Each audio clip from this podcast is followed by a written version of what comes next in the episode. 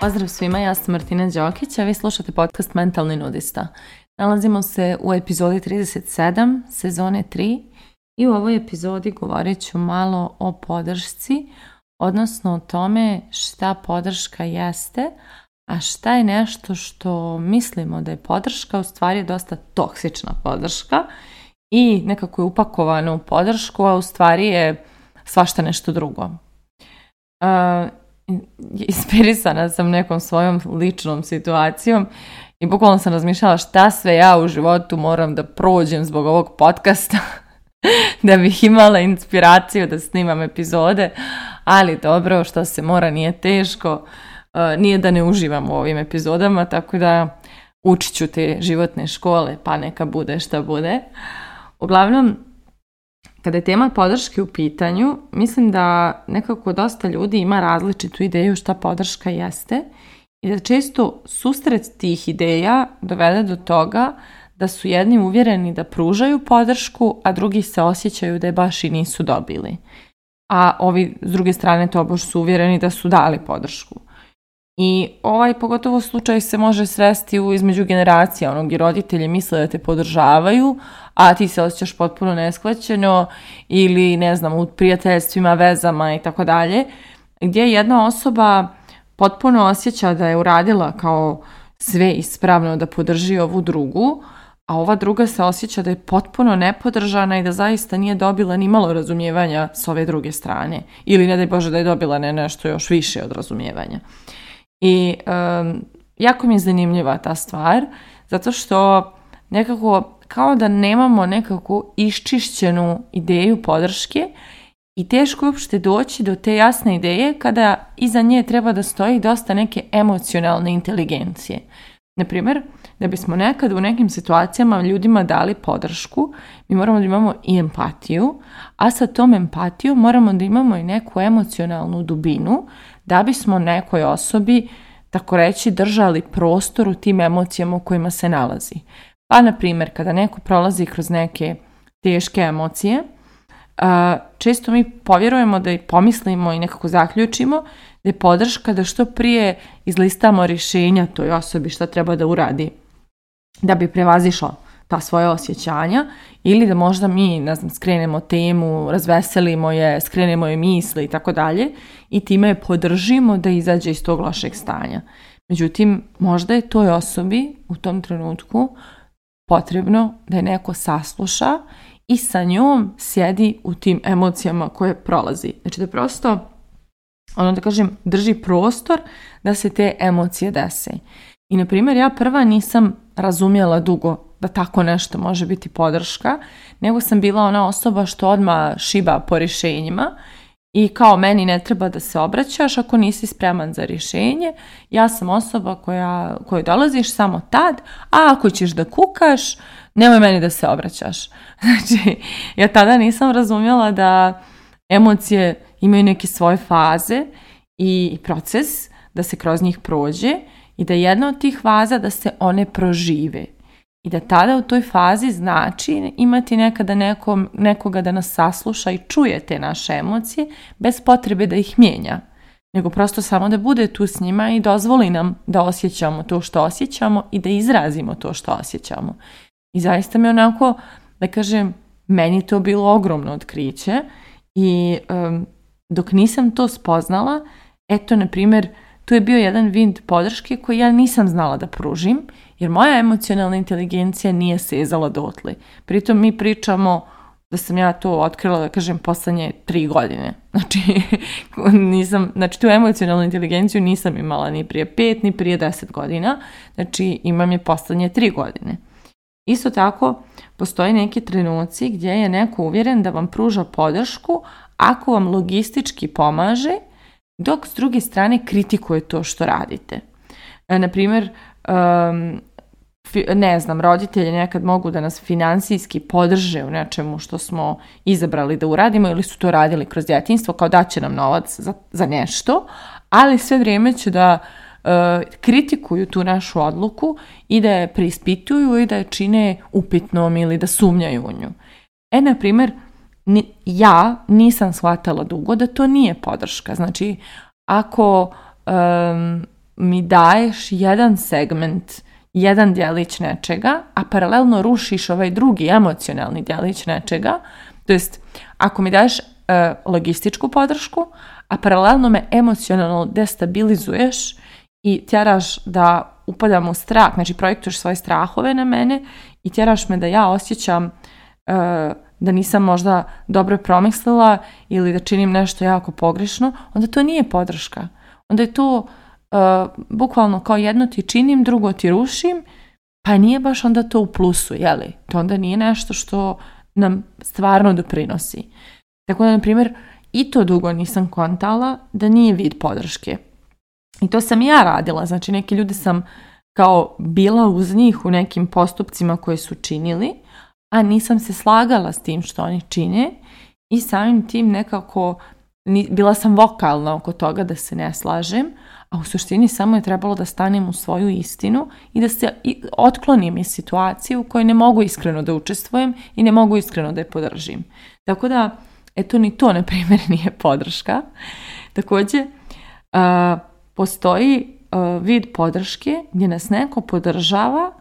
isključivo ako ispunjavamo njegova očekivanja, odnosno dok god radimo ono što toj osobi odgovara da radimo,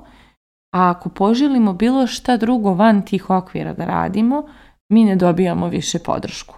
I to isto ne spada u podršku. Naprimjer, to je uslovljena, jel, još jedna uslovljena podrška, još jedna uslovljena ljubav, da mi ćemo biti prihvaćeni i podržani u svojim postupcima ako smo poslušni,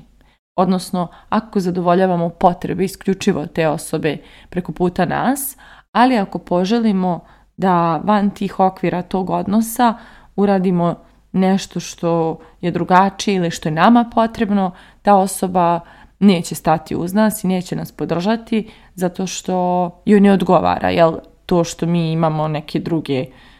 segmente života koje želimo da razvijamo ili gradimo. I to, na primjer, možete vidjeti u nekim brakovima, gdje će partner biti podržavajući ili u vezama, jeli? Partner će biti podržavajući prema svojoj osobi, nebitno sad muškoj ili ženskoj, kad se tiče nekog truda i rada na polju veze, ali ako ta osoba odluči da se potrudi na nekom drugom polju svog života, da radi na sebi, da se karijerno razvija i tako dalje, um, ovaj pa, partner može ili partnerka e, da se ljuti na tu e, potrebu osobe da se razvija i da se osjeća ugroženo i da tu ne pruža podršku. Tako da ni tu nije e, podrška. I to je jedna, da kažem, iluzija podrške koju dobijamo i mislimo kao evo podržani smo, u stvari nismo, samo smo ucijenjeni na neki način da igramo kako nam se svira i dok igramo kako nam se svira mi smo onda super nekome, to može, to ima i u prijateljstvima. Da, to sam isto sretala dosta i u prijateljstvima, na primjer pošto dosta ljudi eh, je prošlo kroz moje edukacije, rad sa mnom i tako dalje i posmatrala sam kako ljudi koji su izabrali prosto da rade na sebi, da se razvijaju, da rastu, da u nekom trenutku počnu da mijenjaju neka svoja ponašanja, neki odnos prema sebi, nekim svojim ciljevima i tako dalje. I da su njihovi prijatelji znali da vrlo burno reaguju na to, odnosno da ih prozivaju, ismijavaju i svašta nešto, zato što su ovi izabrali da rade na sebi. I na taj način negdje, da kažem, da omalovažavaju njihovu potrebu da rastu. Zato što što? Ako rastu, prosto izlaze iz okvira E, tog društva i onda to društvo e, nije mu u interesu to ostalo što je osobi potrebno i samim tim ne pružaju podršku. Tako da da, vidjela sam i u tom konceptu. To se isto dešavalo i u kompanijama, ta uslovljena podrška kao podržavam te u svemu dok igraš po mojim pravilima, ali ako poželiš neki rast, ne, neku izgradnju sebi ili ne daj Bože neki život koji je van ove kompanije, onda kao osoba mi više nisi značajna osoba nemam više interesa od tebe i samim tim ne mogu da ti pružim nikakav vid podrške. Ove, ovaj, tako da recimo, eto i ta iluzija podrške se dosta sreće i e, to su sad neke stvari koje su meni pale na pamet. Sigurna sam da ima još nekih iluzija podrške, ali ovo što kažem, ono što sam ja onako, kad sam razmišljala o ovoj epizodi, e, šta je meni sve nadošlo, a šta je u stvari na kraju podrška, ona prava. Podrška ona prava je kada vidimo osobu takvu kakva jeste, vidimo njenu ljepotu, vidimo njene težnje, vidimo njene potencijale, čujemo potrebe te osobe, čujemo njene težnje, čujemo njene snove, uh, osjećamo, to jest spremni smo da čujemo i, i empatišemo se sa osjećanjima te osobe i vjerujemo u tu neku osobu i stojimo uz nju čak i kada